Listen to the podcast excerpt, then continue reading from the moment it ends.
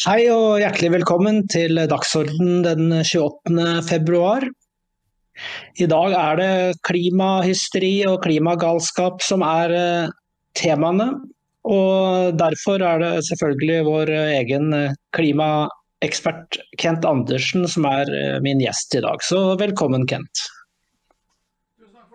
Tusen takk for det. Um, hei igjen alle sammen. Uh, I dag blir det mer altså, om klima, om energi om uh, sprø politikere og alt det andre vi må snakke om. Um, artig å være tilbake igjen, takk for det. Etter en kort opptreden i NRK, av alle ting. Jeg så ikke den komme. Ja, du fikk deg vel noen sekunder der på debatten, uh, det var vel forrige torsdag. Det var morsomt, det. Ja, det var, og jeg så jo at han, der, han MDG han fra MDG hadde reagert og henviste til din artikkel fra jeg vet ikke når du skrev den, det har vært i 2010 eller 2011, den uh, drømmen om Disneyland. Jeg vet ikke akkurat hvilke år det var, da, men ja. Så han syntes det var hårreisende. Men, men, nok om han. Nok om han. Vi skal starte med å snakke om gasskraft. Og Norge har faktisk en god del gasskraftverk. og Eh, de fleste av disse gasskraftverkene har jo da i mange år fungert helt strålende ute på plattformene. Men eh, siden vi har politikere som har kommet på den geniale ideen om at Norge har en egen atmosfære som liksom er utestengt fra resten av verden, så eh, kom dette, denne galskapen med elektrifisering av sokkelen. Og dette koster jo selvfølgelig skjorta, og hva skjer med gassen? Jo, den sender vi til Tyskland, og så blir den brent der. Du har jo skrevet en lang sak om eh, angrepet på norsk gasskraft, eh, Kent, så du får ta oss gjennom det. Ja, fordi altså, grunnen, til dette, grunnen, til at dette, oppsto, at jeg begynner å ville skrive om gasskraft, det er jo at Norge er en gasskraftnasjon. Akkurat som resten av EU. Altså Det finnes 881 gasskraftverk i EU, mot 987 i USA. Altså gasskraftverk er, gasskraftverk er kjempestort, og det er veldig mange av dem. Også Norge. Vi leverer jo mye av gassen til Europa, men vi har også veldig mange gasskraftverk. De fleste står ute på plattformene. Av de plattformene som produserer naturgass. Eh, de andre de bruker da altså dieselgeneratorer. Eh, og så har vi selvfølgelig Melkøya, som er det største gasskraftverket i Norge. Og det skal altså elektrifiseres alt sammen. Og dette er jo selvfølgelig helt meningsløst, fordi eh, hvis du tar hvis du legger ned gasskraften i Norge så, og, og, tar gassen vekk fra de gasskraftverkene, så, så, vil jo den gassen bli ført til Tyskland og brent der i gasskraftverk. Men dette handler, altså Galskapen stopper jo ikke der. fordi altså, Selv om man elektrifiserer plattformene, som er elektrifisert, alle plattformer i Norge går på elektrisk strøm, de er elektrifisert. Uh, selv om man elektrifiserer dem med, land, med, strøm fra land eller fra vindmøller, så må du fortsatt ha gasskraftverkene der som backup. Fordi igjen, eh, det kan være at det kan være at det slutter å blåse på havet. Det skjer omtrent 70% av tida. Og selvfølgelig kan det være at strøm fra land uh, blir brutt. Og det går ikke på en plattform. Du er nødt til å ha, ha jevn kraftforsyning på en plattform. Det er helt avgjørende, akkurat som for et data, data senter. Sånn at eh, Dette er totalt meningsløst. og En av grunnene til at jeg ble litt opptatt av norsk gasskraft og vise at Norge er en gasskraftverknasjon, det er jo at det har oppstått en aldeles absurd uh, pressgruppe i Norge for å få atomkraft til Norge. Norge skal bli å få altså, atomkraft. Og dette er basert på tanken om at atomavfall er farligere forurensning enn plantenæring. Ok, Vi tar det en gang til. Atomavfall det er mer miljøvennlig enn CO2 plantenæring. Dit har vi kommet ned i trakta. Okay? Så alle forstår hvor sinnssyk klimapolitikken egentlig er. For EU har sagt at nei, atomkraft er grønt likevel. Og så vil jo folk ha atomkraft i Norge. Eh, og det ligger, Nå øker en pressgruppe for det, for de sier at vi trenger mye mer strøm, noe som ikke er sant. Og vi må da satse på atomkraftverk, hvilket er helt meningsløst, for Norge har ikke uran. og vi har ikke behov for atomavfall. Sånn at uh, det vi har, det er jo endeløst med gass. Uh, og vi har gasskraftverk, så hvorfor kan vi ikke bare smelle opp gasskraftverk? Det gjør EU. og det gjør alle andre land i verden. Og hvorfor skulle ikke vi gjøre det samme? Det er kortreist, det er enkelt, det er billig, det er fort gjort å bygge. Det kan skaleres opp i hvilken størrelse du trenger det. De kan regulere krafta. Det er altså alt taler for at vi skal bygge gasskraftverk, men det skal vi altså ikke. og Istedenfor har vi fått en debatt om atomkraftverk i Norge, og det er, helt, det er så corny at det, det Men det viser egentlig hvilken, eh, hvilken, hvilken hvordan massehysteri påvirker eh, den kollektive psykologien i Norge, og gjør at alt kortslutter og, og fornuften forsvinner ut døra. Ja, dette er jo et sånn evinnelig mas om at uh, Norge snart går tom for strøm og for strømmangel. og Det er vel bare snakk om noen få år til, så er det helt krise. og Derfor må vi bygge hav havvindturbiner, og det er ikke måte på. Uten at det selvfølgelig vil hjelpe noe som helst. Men ikke sant, uh, Norge har jo skapt denne strømmangelen selv. Hvis vi hadde latt gasskraftverkene på oljeplattformene bare surre og gå som før, og eh, spart en hel haug av milliarder kroner på det, og ikke sendt mengder av strøm til eh, Tyskland og England, så hadde vi jo klart oss helt fint.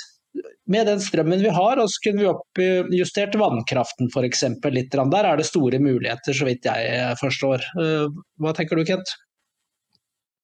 Nei, Der er det store muligheter, men det er klart at eh, når vi sløser bort strømmen på, på EU uh, og på klimatiltak, og, og, gir bort strøm til Google uten å kreve at de bygger et kraftverk tilbake, det er jo helt absurd. Altså, det er klart at det norske, norske, strømforbruket øker fordi vi øker befolkningen vår raskt også. og det er klart at det, det gjør jo med, og, og, grønt industriløft handler jo først og fremst om å bygge strømslukere som gir 100 arbeidsplasser, altså mindre enn et lite kjøpesenter. Sånn at, sånn at, politikken er litt ute å kjøre her, men først og fremst så handler jo, eh, så handler jo dette om at vindkraftindustrien eh, driver og bruker alle sine krefter og alle sine penger på, på, å dyrke denne myten om at Norge trenger dobbelt så mye kraft i løpet av 2030 eh, for å selge så mange vindmøller som mulig. For det sier vindkraftselgerne er lurt. Eh, jo, og, og, og, du vet med vindmøller så er det engang sånn at eh, når kraft kraftmangelen oppstår, og man bygger vindmøller, og så blir det enda større kraftmangel fordi disse leverer strøm bare 30% av tiden, så er alltid løsningen å kjøpe enda flere vindmøller og bygge enda mer, og det blir aldri nok vindmøller. og aldri mange nok. Så trenger jeg alltid flere. Og det er jo det som er så fantastisk, at politikerne ikke forstår at de står overfor selgere her. Det er, dette er reklame. Helt, altså Norge trenger ikke dobbelt så mye strøm. Og vi ser jo at uh, Nå har jo Stoltenberg sagt at nei, Norge skal satse stort på havvind og nesten doble den norske kraft, eh, um, kraftinstallasjonen. Eh, altså kapasiteten på, på, på, ved å bygge havvind. Men han har jo sendt brev til EU at dette er jo ikke strøm som vi skal få. Dette er jo strøm som EU skal få. Så altså, norske skattebetalere de betaler altså for å få strømkunder gjennom uh, nettleien. De betaler altså for at EU skal få strøm fra norske vindmøller. Og det får de jo ikke, fordi isteden blir det overført vannkraft. Sånn at dette er en katastrofe for hele det norske strømsystemet, og, og, og vi har bare sett begynnelsen på hvor alvorlig dette er. Det er jo også et faktum at uh, disse havvindturbinene ute i Nordsjøen altså når, når, det blåser på de, så blåser det på alle de tusenvis av uh, vindmøller som Tyskland og sånn også, og England og Storbritannia mener jeg, har også satt, satt ut. Og Da går jo prisen til bunns. så Dette er jo sånn klassisk at uh, ok, vi produserer strøm, da blir strømmen så billig at vi ikke tjener noen ting. Og resten av tida så må de finne andre løsninger, og det, der er det mangelvare. Så da blir Prisen blir bare dyr hele tiden. Så Det er jo det som er uh, greiene, og det store problemet med vindkraft uh, generelt. Ok, så skal vi gå videre. for En annen ting er jo denne elektrifiseringen av hele alt mulig rart. Ferjer skal elektrifiseres og det er osv. osv. Det er liksom så tullete at man blir helt satt ut. Og En av de tingene Norge har satset veldig hardt på, er jo elbiler. Norge hadde en, for å si det litt eh, kynisk så hadde de en stor fordel, og derfor er vi blitt verdensledere i salg av elbiler. Og Grunnen til det er at vi hadde de høyeste skattene omtrent i verden på biler. avgifter og skatter og alt mulig sånn. Og ved å bare kutte bort eh, disse skattene og avgiftene, så ble elbiler faktisk ganske rimelig i Norge sammenlignet med vanlige biler. Men i andre land, Tyskland, Storbritannia osv., så, videre, så er eh, såkalte batteribiler de er rådyre. Det koster mye mer å forsikre dem, og ingen vil ha dem. Det er bare politikerne som vil ha Eh, batteribiler i f.eks. Tyskland og England. Og nå var det et kinesisk bilselskap du skrev om som eh, også er hardt rammet. Det er et elbilselskap som heter noe sånt som Hifi eller noe sånt, Kent? Så du skrev jo en sak om dette her òg. Ja, ja, det er noe sånt noe.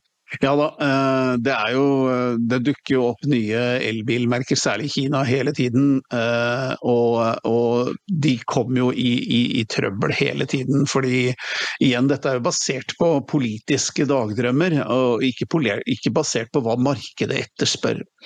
Uh, og, og, du kan ikke altså Du kan gjerne bygge Du kan finne opp ting og bygge ting, men hvis markedet ikke vil ha det, så får du ikke solgt det.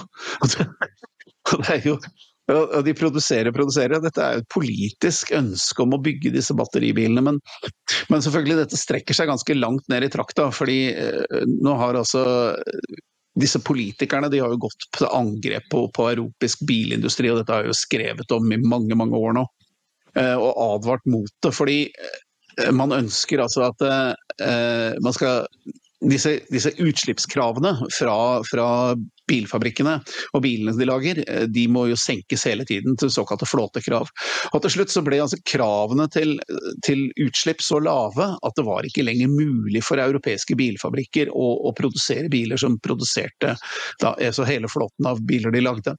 Og det, det tvang jo da norsk, altså europeiske bilfabrikker til å begynne å lage batteribiler. Og da må de lage nye fabrikklinjer og nye produksjonslinjer og nye råvarer og nye Altså det koster hundrevis hundrevis av milliarder kroner eh, å, å, å holde på med dette. Og alt sammen var jo initiert selvfølgelig av politikerne, som krever, som ville gi da bilfabrikkene ekstreme bøter hvis de ikke oppfylte disse, disse utslippskravene. Og mange tror at Porsche hadde veldig veldig lyst til å bygge sin Porsche Cayenne, altså sin Porsche Taycan, eh, den elektriske Porschen. Nei. Nei. Det ble Porsche pålagt av politikerne å gjøre, akkurat som det var en trabant. Altså, nå skal dere bygge batteribil. Ja, det er klart at Porsche hadde ikke noe lyst til det, eh, fordi igjen, markedet etterspør jo ikke det. Eh, men i Norge så har vi altså vært sånn at eh, vi har hatt veldig mye strøm. Vi er det mest elektrifiserte landet i Europa. Vi har et overskudd av elektrisk kraft. Og vi hadde disse høye avgiftene som gjorde at eh, batteribiler, som er 40-50-60% dyrere å produsere enn en drivstoffbiler, de ble pussig nok da billigere når du slapp moms og avgifter på, på batteribiler. Så vi fikk altså et vi, vi fikk altså en venstreside som har vært mot bilisme hele tiden. Vi fikk altså de med på altså De initierte at Norge skulle nå bli et land hvor man kan kjøpe luksusbil på 2,5 tonn med 400 hestekrefter eller 500 hestekrefter og AC og skinnseter og hele utstyrspakka, uten moms og uten avgifter. Og det skapte jo kjøpefest på, på ekstremt dyre og luksusbiler med batteridrift. Og jeg bruker yre batteribil fordi altså, hydrogenbiler er jo også elektriske biler, så jeg bruker ikke elbil generelt, jeg snakker om batteribiler her. Og, og, og dette skapte en sånn absurd kjøpefest for nordmenn, de er veldig autoritetstro. Og så elsker de å snytte staten, selvfølgelig. Og det er klart at når du kan kjøpe en bil til en million kroner som egentlig burde kosta to millioner med norske avgifter, så gjør folk det. Og så har jo selvfølgelig alle reklamen fra bilfabrikkene sier at dette er fantastiske biler som har ditt og datt og sånt noe, men når NAF må begynne å gjennomføre rekkeviddetester, så er det et sykdomstegn. Det er ikke, et, det er ikke noe godt tegn, det. Rekkevidde har aldri vært et problem på biler før. Uh, og dette er jo et dårligere produkt som sådan. Det er jo ikke noe en elbil gjør bedre enn en drivstoffbil. Foruten å kunne akselerere fra 0 til 100 på tre sekunder, og det er jo ikke akkurat så veldig viktig i hverdagen. Sånn at dette har gjort at Norge er inne i et samferdselseksperiment uten sidestykke noensinne i historien. Og Norge er altså et laboratorium for hele verdens bilfabrikker nå, også fra Kina. Så Derfor pøser det batteribiler inn i Norge, og reklame handler om batteribiler. Alt handler om batteribiler.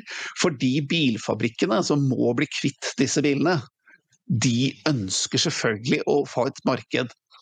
Og det norske markedet blir jo brukt i reklame over hele verden. Sånn at her ser vi at her lykkes det, her går det bra, her blir det bra.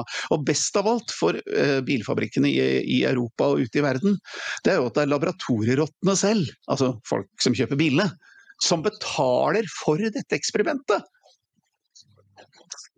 Og det, det, det er ingen som det finnes ikke. Altså, det, det, det, har aldri skjedd noe lignende. Og det er ingen som vet om dette vil virke, eller hvordan dette vil ende, eller hvor lenge disse batteribilene varer. Altså, de er ikke miljøvennlige, de varer jo mye kortere. De har jo en levetid på 10-12 år, mot, mot kanskje 18-19 år for drivstoffbiler. Sånn at alt man gjør her, er jo å lage en gigantisk kjøpefest på luksusbiler som kanskje må byttes ut etter bare ti år istedenfor å vare i 18-19 år. Og, og, og, det, det, å kalle dette liksom et miljøtiltak, det det er, det er helt komisk. Er, det er, helt fantastisk. Men det er en gavepakke da, til Kina som, som også fosser inn nye bilmerker i Norge. Og nordmenn de er altså så autoritetstro og svake for massepåvirkning og reklame og kan egentlig overstallelse. At de, de, de, løper til butikken og så kjøper de en bil fra et bilmerke de aldri har hørt om til en million kroner. Tenker at nå har jeg vært smart. Det, dette strider mot all markeds... Altså jeg er jo markedsfører, jeg jobba i reklamebransjen i 20 år, og dette strider mot all markedsteori. Altså dette, dette, skal normalt, Sånn skal ikke normalt mennesker oppføre seg, men i Norge så gjør de altså det og tenker at nå er jeg smartere enn naboen. Og nå kjører jeg rundt i batteribil og ser på meg, liksom. Men uh, før eller siden så kommer det nok en rekyl, og den har vel kanskje begynt alt. ja, ja, fordi det var jo andre fordeler òg. Veldig mange av de i Stavanger var jo elbilhovedstaden i Norge. ikke sant? Eh, det var jo så mye Teslaer her at du nesten ikke så andre biler. Og En av grunnene var jo selvfølgelig at de var billige og osv. Men det var jo også de eh, andre sparetingene med at du kunne kjøre i bussfelt. og du slapp, Den gangen var, slapp du å betale for parkering, og du fikk til og med lade gratis på parkeringsplassene inne i byen. og Det var gratis i tunneler, og det er noe som koster mye her i Stavanger. Men de har allerede begynt å stramme inn her. fordi at eh, Staten oppdager jo det at vi har lurt så mange til å kjøpe batteribiler at eh, nå får vi ikke inn noen skatter av bilistene lenger. Og Slik kan de jo ikke ha det, selvfølgelig. For de har jo så utrolig mangel på penger. De har jo bare 15 000 milliarder på oljefondet, så klart de må få noe mer av befolkningen. Så Derfor er det nå eh, klare ting som tyder på at elbiler vil bli iført mye mer kostnader også for de som allerede har kjøpt. Så det blir lurt av staten nok en gang. Det, det, kan jeg forsikre, og, og, folk har allerede glemt dieselskandalen. altså Hvor politikerne altså Dette var rundt 2015 eh, eller 2017, tok for slutt, uh, så vidt jeg husker, hvis jeg ikke husker feil.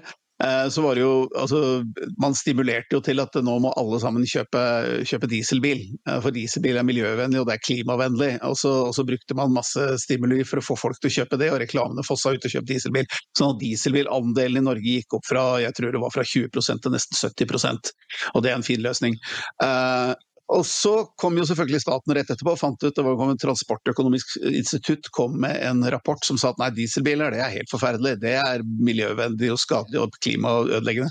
Og da sa staten ja vel, da legger vi på masse avgifter, og så falt de folk i ryggen. Og det kommer de til å gjøre. Det kommer de til å gjøre med batteribilene også. Det er bare å vente og se. fordi staten kommer ikke til å godta at den taper titalls og tjuetalls og tredvetalls milliarder kroner i, i, i, avgifter på at folk kjøper luksusbiler på denne måten. Det kommer altså Før eller siden så kommer da rekylen.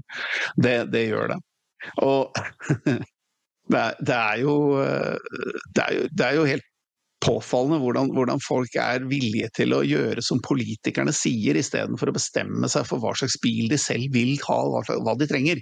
Det er jo det som er så fascinerende. Uh, igjen. Uh, nå, nå, sier mange, mange, av følgerne mine hvorfor, så, hvorfor hater du batteribiler, og det gjør jeg ikke. Jeg gjør ikke det. Altså, batteribil er helt greit, det. akkurat som alle andre biler. Den har fire hjul og et ratt, og den transporterer folk. Og hvis du har behov for en batteribil, og den oppfyller dine behov, så kjøp det, da. Det er greit, I don't care. Men problemet er at det er ikke alle som har behov, og ikke alle som kan bruke det. Og, og, folk i marked, så må faktisk folk få lov, et fungerende marked, så må folk få lov til å kjøpe den bilen de trenger og har behov for, og som passer dem. Men det skjer altså ikke i Norge lenger, hvor man da innfører, og hvor politikerne bestemmer at nei, nå skal vi bestemme hva slags bil du kjøper og hva slags bil du trenger. Og det er jo dette jeg er så rasende imot, fordi dette er det samme som skjedde i Sovjetunionen og i, det, i, i Øst-Tyskland, hvor de altså bygger trabant og sier dette er bilen du skal ha, dette er bilen du trenger. og det er, det er dette er ikke et demokrati verdig. Altså. Dette, dette er ikke et fungerende demokrati. Det er helt forferdelig. Nei, og ikke sant de fleste som jeg kjenner som har elbiler, de har jo det som bil nummer to. Fordi eh, hvis du har hytte på fjellet eller et eller annet sånt, så kjører du som regel ikke elbil dit. Det tar du ikke sjansen på. Men hvis du f.eks. bor eh, kort vei unna, unna, arbeidsplassen og har lader hjemme, så er det helt greit å bruke en elbil og slippe bompenger og slippe alt mulig rart å få frem og tilbake til jobb f.eks., eller ned på butikken og alt. Også det, det, er helt greit det, men jeg, de fleste jeg kjenner, jeg kjenner som sagt, de har elbil pluss en skikkelig bil.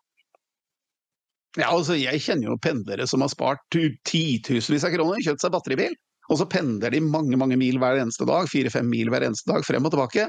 Lader hjemme om natta og, og, har jo spart veldig masse penger fordi det er ikke noe avgifter og du kan parkere hvor du vil osv. Men altså, igjen, dette er jo økonomiske insentiver, uh, og det jo ikke Det, vil ikke vare. Og, og, og det at politikerne nå skal innføre et forbud altså Stortinget ønsket jo et forbud mot drivstoffbiler i 2025, det tror jeg ikke blir noe av. Uh, eh, EU skulle innføre det i 2030, det er utsatt til 2035, og nå knaker det. Og, og både Audi og Mercedes har jo sagt at eh, de skal gå over til fullelektrisk og bli batteribilleverandør, men nå har de altså snudd og sagt mm, nei, vi gjør ikke det. Og Grunnen til det er jo selvfølgelig at, eh, at klimahysteriet er i ferd med å slå sprekker, og de skjønner at eh, dette regnestykket går ikke opp, verken økonomisk eller strømmessig. Eller for, altså, så har de ikke noe marked heller. og det, Man må jo bygge de bilene folk vil ha, ikke de bilene folk, politikerne vil at folk skal ha. Det, det er sånn det er. Det er business. Ja, det er jo lignende tanker i BMW, og Toyota har jo også gått foran her. Så dette er jo store, altså gigantiske selskaper. Iallfall eh, BMW, Mercedes og Toyota. Nå er vel Audi litt mindre, så vidt jeg vet. Men uh, uansett, da, dette er ja, viktige selskaper.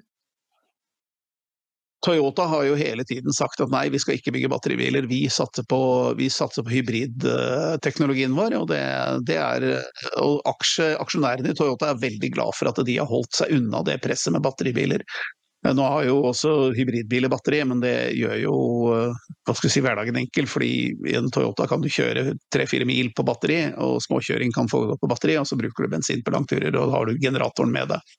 Sparer ikke noe særlig. altså Dette er jo for meg som er opptatt av bil og kan bil og har skrudd bil i 40 år, så er det klart at eh, det å ha to driftssystemer, det er mer å vedlikeholde, det koster mer og det blir kompliserer ting. og det, Jeg vil ikke ha det, men, men det bevares. Det er en bedre løsning enn en mye annet. Så, men fortsatt så får du kjøpt dieselbil, faktisk. og det kan godt Skoda de leverer faktisk rene dieselbiler fortsatt, hvis, for de som måtte ha det. Forbruker, forbrukeropplysning. Nå er vi der. Yes. Skal vi snakke litt om hykleri òg? Vi kommer helt sikkert ja, vi skal det. Men først så skal vi se en liten eh, film. Lars, vær så god. Hei! Vi i Dokument er glade for at du Leser oss hver dag. Lytter til Dokumentradio. Og ser på Dokk TV.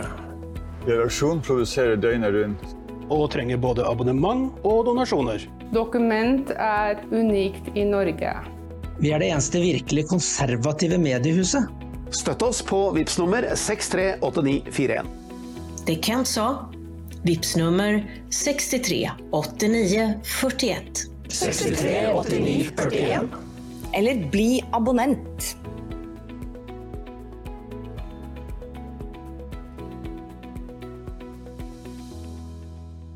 Er du lokallagsmedlem? Mm, ikke det? Nei, da har du muligheten å melde deg inn. Velkommen til oss. Ja, vi skal gå videre og snakke, avslutte med å snakke litt om Ola Borten Moe, som jo nå er blitt hyllet omtrent som en helt etter at han gikk ut i NRK-debatten og fikk han der guttungen Bjelland Eriksen til å se ut som en levende klovn der han sto. Hvor Det Borten Moe sier er jo egentlig at det virker ikke, det fungerer ikke. Alle tiltakene er feil, det går ikke osv. Så, videre, og så, videre. så mange har jo liksom blitt veldig positivt innstilt til Borten Moe, men du skrev en kommentar som er litt mer kritisk, Kent. Så ta oss gjennom det. Ja, altså jeg, Det er jo jobben min å se på ting fra alle sider. Og, og at Borten Moe har gjort noe riktig her, og gått ut og sagt at, at det grønne skiftet er galskap, det er jo sant.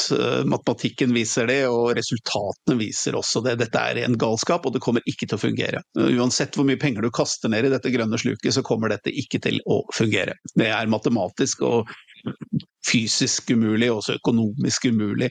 Og at ikke folk i, i, i Finansdepartementet har advart politikerne, det er en det, er, det, burde bli en oppvask av. Men så det Borten Moe gjør, det er, jo, det er, jo, viktig og riktig. Det er bare det at det, det er en liten er en liten kjedelig sak rundt det. Og det er at Han sier jo selv at han advarte mot det grønne skiftet. Altså Borten Moe han har jo vært olje- og energiminister i 2011 til 2013. Hvor han innførte grønne sertifikater for øvrig, som gjorde at vindkraftindustrien fikk, fikk vind i seilene her i Norge. Det var avgjørende for vindkraftindustrien. Så det Borten Moe gjorde der som minister, var jo en gavepakke til den internasjonale vindkraftindustrien. Han har også vært utdanningsminister fra 2021 til 2023. Og Det pussige her sånn, det er at han advarte om det grønne skiftet. Han tror ikke noe på det, han mener det er feil og han mener han kan bevise det. Men allikevel sa han ja til å bli minister. Å føre offentlig politikk som også var mot hans egen overbevisning. Hvorfor det? Altså, Det ville aldri jeg gjort. Altså, Hvis du blir spurt av Jonas Gahr Støre om å bli minister og føre politikk som er mot din egen overbevisning, så er det faktisk lov å si nei. Det kan jeg ikke gjøre. Du må ikke bli minister hvis du ikke vil. Det er, helt frivillig. Uh, men når du først sitter som minister, så er du selvsagt nødt til å gjøre som sjefen sier, som du gjør i alle bedrifter. Og gjøre det, og føre den politikken som, som, som, er gjeldende, uansett om du tror på den eller ikke. Og Det er jo dette som er veldig betenkelig med det Borten Moe har gjort, fordi han sa ja. Og det verste er at Jonas Gahr Støre tilbød jobben som minister til en han visste var imot klimapolitikken og det grønne skiftet i Norge. Og Likevel så var han helt trygg på at Borten Moe kom til å være lojal og lydig. Og dette er ikke egentlig noe godt personlighetstrekk ved Borten Moe, syns jeg. Og jeg syns det burde vært større diskusjon om det i, i media. Fordi dette betyr at norsk politikk i prinsippet og regjeringen er basert på hykleri. Og når man spør ok, kan Borten Moe gjøre dette?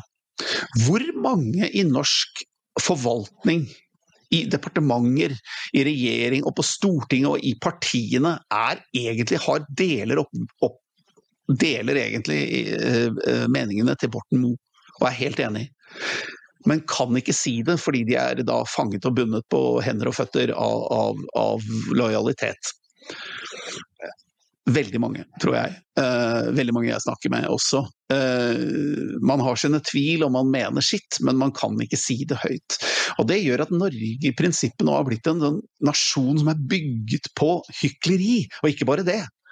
Man forventer hykleri, og man ønsker hykleri, og syns hykleri og taushetskultur er en bra ting, det er en bra måte å styre et demokrati på. Og det er det ikke. Det er en helt forferdelig måte å styre et demokrati på. Det er antidemokratisk, du kan ikke holde på sånn. Og, og, og Borten Moe blir derfor et symptom på noe som er mye større og mye mye mer alvorlig. Fordi jeg snakker nesten daglig og får mailer daglig fra mennesker som sier at ja, jeg ser på deg Kent Andersen, og jeg følger deg og jeg er helt enig, men jeg kan ikke si det høyt i lunsjen på jobben. Nei, tenk over det. Og, og, det er klart at Når dette foregår helt opp på regjeringsplan, og alle syns dette er strålende måte å drive et land på, ja, det, det, da da er vi langt nede i trakta. Og dette peker jo tilbake igjen fra, fra det jeg sier i boken min 'Klima og antiklimaks', at Norge er drevet nå av et kollektivt massehysteri drevet av gruppepress, moralisme og, og, og, og kollektiv eh, tenking som gjør at man, man, ikke lenger tør å bryte ut og si sannheten. Altså, det er ingen som lenger tør å være den lille gutten som sier at keiseren har ingen klær på, for da blir du redd, da mister du jobben. Og, Borten Moe har egentlig avslørt det. Og det, det triste er jo at resten av pressen de har jo ikke faktisk tatt tak i dette og sier vet hva, sånn kan vi ikke ha det i et demokrati. Vi kan ikke ha det sånn, vi må ha en diskusjon om dette. Men det vil de ikke. Fordi klimahysteriet er totalt rådende i, i den offentlige. Og Borten Moe tror jo selv på klimasaken fortsatt. Ja, vi må fortsatt kutte CO2, da blir været i Halden bedre i år 2100. Dette tror han fortsatt på. Eh, det er han helt overbevist om. At hvis bare Norge bruker nok penger, så blir altså været i Halden bedre. Eller i Kina, det blir bedre i år 2100. Og det, det er selvfølgelig bare tull. Men så det Borten Moe snakker om, det er noe helt annet enn klimapolitikken som angivelig er basert på forskning. Det er den ikke, men det er forskningsfusk. Eller, eller klimascientologi, som vi kaller det. Men dette er to forskjellige ting. Det er klimapolitikken, altså klimaproblemet og klimakrisen, det er én ting. Mens klimaløsningene er det Borten snakker med. Og det er noe helt annet, for den er ikke basert på vitenskap eller dette presset. Klimaløsningene, altså disse tiltakene man setter inn for å skape bedre vær, det er noe helt annet. Og det, noe, det står ikke noe vitenskap bak det. Det gjør det ikke. Det er bare synsing. Det er bare panikktiltak som man tror og håper skal virke. Så det er veldig bra at man snakker imot det, men, men igjen dette hykleriet som blir nå systemisk, det er som Borten Moe avslørt, det er interessant å snakke om, interessant å ta tak i. Ja, jeg har opplevd et, jeg har to eksempler til på dette hykleriet som du snakker om. Det ene går jo direkte på klima. det er jo at eh, Stavanger Aftenblad har jo skrevet en hel rekke uh, kritiske artikler om klimatiltakene. Bl.a. spesielt kommentator Hilde Øvrebekk, som egentlig er meget dyktig. Men så plutselig dukker opp i enkelte av artiklene at nei, det er solkraft vi burde satse på. Så det blir bare sånn å herregud. Men jeg opplevde noe eh, lignende i 2015. Det var under eh, valget i 2015. Så var eh, SVs lokalleder, han heter Sakariassen, han sto jo der på, med sånn derre stand på stasjonen i Stavanger. Da jobba jeg i NSB. Og så kom jeg liksom i diskusjon med han. da, Jeg likte jo det, jeg hadde litt fri og venta på et tog. Så så det blei diskusjon om innvandringspolitikk, og vi var jo selvfølgelig helt fullstendig uenige. Han snakka jo om de gamle greier om at vi skulle bli så rike og alt mulig sånn. Uansett, det som var hykleriet, det oppsto etter samtalen. For da gikk jeg bort for jeg skulle ha et, et lokaltog. Og så sto jeg på stasjonen, så kommer det en dame bort til meg. og Jeg kan ikke si nøyaktig hennes posisjon, men hun hadde en høy posisjon i SV. SV og hun sa det at jeg har to døtre og jeg er helt enig med deg. Jeg er så bekymra over denne innvandringsgalskapen, men jeg kan ikke si mm. det i SV. Så der er det nok en gang. men vi har vel nesten ikke sett det verre enn i de to feltene. Klima- og innvandringspolitikk, dette hykleriet, Kent. Nei, det er jo fordi igjen, altså, det er krefter som står bak både, både innvandringsindustrien eh, og klimaindustrien. Eh, for dette handler om penger og posisjon og makt. Eh, makt, penger, makt, penger og prestisje, som jeg alltid sier. Det, det, handler ikke om noe annet. Alt annet er likegyldig for disse menneskene. De skal ha makt, de skal ha penger, de skal ha prestisje, alle tre på en gang. Og det er det eneste som driver dem. Og det er det eneste som, som motiverer dem. Eh, så når de snakker om innvandring eller om klima, så, så, driter de egentlig det. De bryr seg ikke noe om det. Eh, dette er bare en fasade, dette er bare en front, og dette er bare en brøyteplog de bruker for å moralistisk forholde holde på den makten de har. Enten det er i privatlivet eller i, eller i politikken, eller det er i, på jobben, eller det er sånt noe. Eh, sånn at Norge er igjen veldig, veldig styrt av moralister og hyklere. Um, og det er litt synd, for i gamle dager så, så, så lo vi av sånne mennesker. Altså, Pippi, eh, Pippi Langstrømpe. eh, I Pippi Langstrømpe så har de jo en, en uh, dame som heter Prusseluskan. Som alltid skal, skal, tvinge Pippi til å gjøre sånn og sånn og sånn, og oppføre seg skikkelig. Og hun er en komisk figur. eh, og en litterlig figur i Pippi-universet. Men i, hun finnes også i, i Kardemommeby. Hun heter tante Sofie. Og i gamle dager på 70-80-tallet så, så, var slike moral, moralister de var latterlige mennesker. Men i Norge i 2024 så er de altså styrende for hele samfunnsutviklingen. Eh, og vi tør ikke le av dem.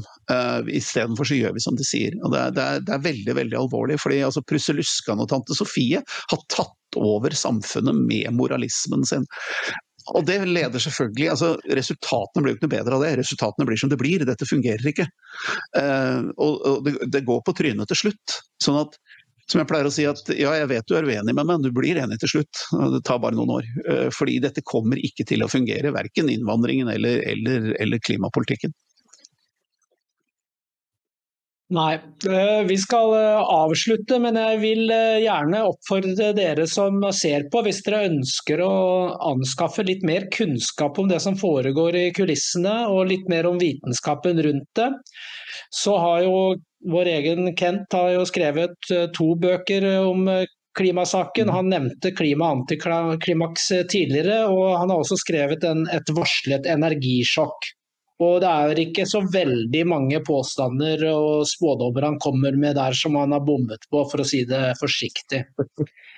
En som går litt dypere vitenskapelig inn i dette, her er jo Steven Kunin i sin bok eh, 'Usikker vitenskap'. Eh, Tittelen er jo basert på det der, eh, 'the science is settled'-begrepet, som avslører hvor utrolig lite folk forstår det, av hva vitenskap egentlig betyr. For den kan aldri være avgjort. Det er hele poenget med vitenskap. Så den har vi, Begge disse bøkene får du på Dokument eh, forlag, så gå inn og kikk. Og anbefaler sterkt å kjøpe begge bøkene for å få to litt ulike vinklinger, men allikevel masse eh, informasjon. Ville du si noe, Kent? Ja, dette er fordi altså, Kunis bok er jo, det handler da om klimakrisen, altså selve klimaet på jorden. Eh, boken min den handler ikke om det. Jeg skriver aldri om klimavitenskap, for jeg er ikke akademiker, ikke vitenskapsmann. Eh, jeg er spesialist på massepåvirkning og politikk siden jeg har vært politiker i mange år også. Eh, og eh, boken min handler om klimaløsningene. Altså Klimakrisen og klimaløsningene er to helt forskjellige diskusjoner. Og helt forskjellige og separate ting som, som ikke egentlig må blandes. Eh, og boken min handler da først og fremst om klimaløsningene og dette kuppet som har foregått, som altså strekker seg helt tilbake til Berlinkonferansen i 1930, hvor NVE ønsket overføringskabler for å få høyere strømpriser i Norge. Så dette kuppet det har vært planlagt lenge og vel og grundig, og dokumentasjonen i boken min er veldig grundig i forhold til det. Det er rett og slett en krim fra virkeligheten. Sånn at, og det, det, det, er nesten det skremmende med dette sjokket, er jo at den blir bare mer og mer aktuell også etter hvert som tiden går. Øh, og riktigere og riktigere, dessverre. Ja, jeg har skrevet en artikkel en gang som het at eh, virkeligheten overgår dystopiene. For det er, den, eh, det, er den, verden vi lever i i dag på alle mulige felter. Og det tror jeg kanskje jeg og Kristian skal snakke litt om i morgen. Mm. Men uh, først vil jeg avslutte med å takke alle som har sett på eller lyttet på, hvordan hva dere nå foretrekker. Vil jeg selvfølgelig takke teknikeren vår, som i dag var Lars. Og uh, tusen hjertelig takk til Kent Andersen som stilte opp. Takk til alle lyttere, og husk å vippse. takk for i dag. Takk for i dag.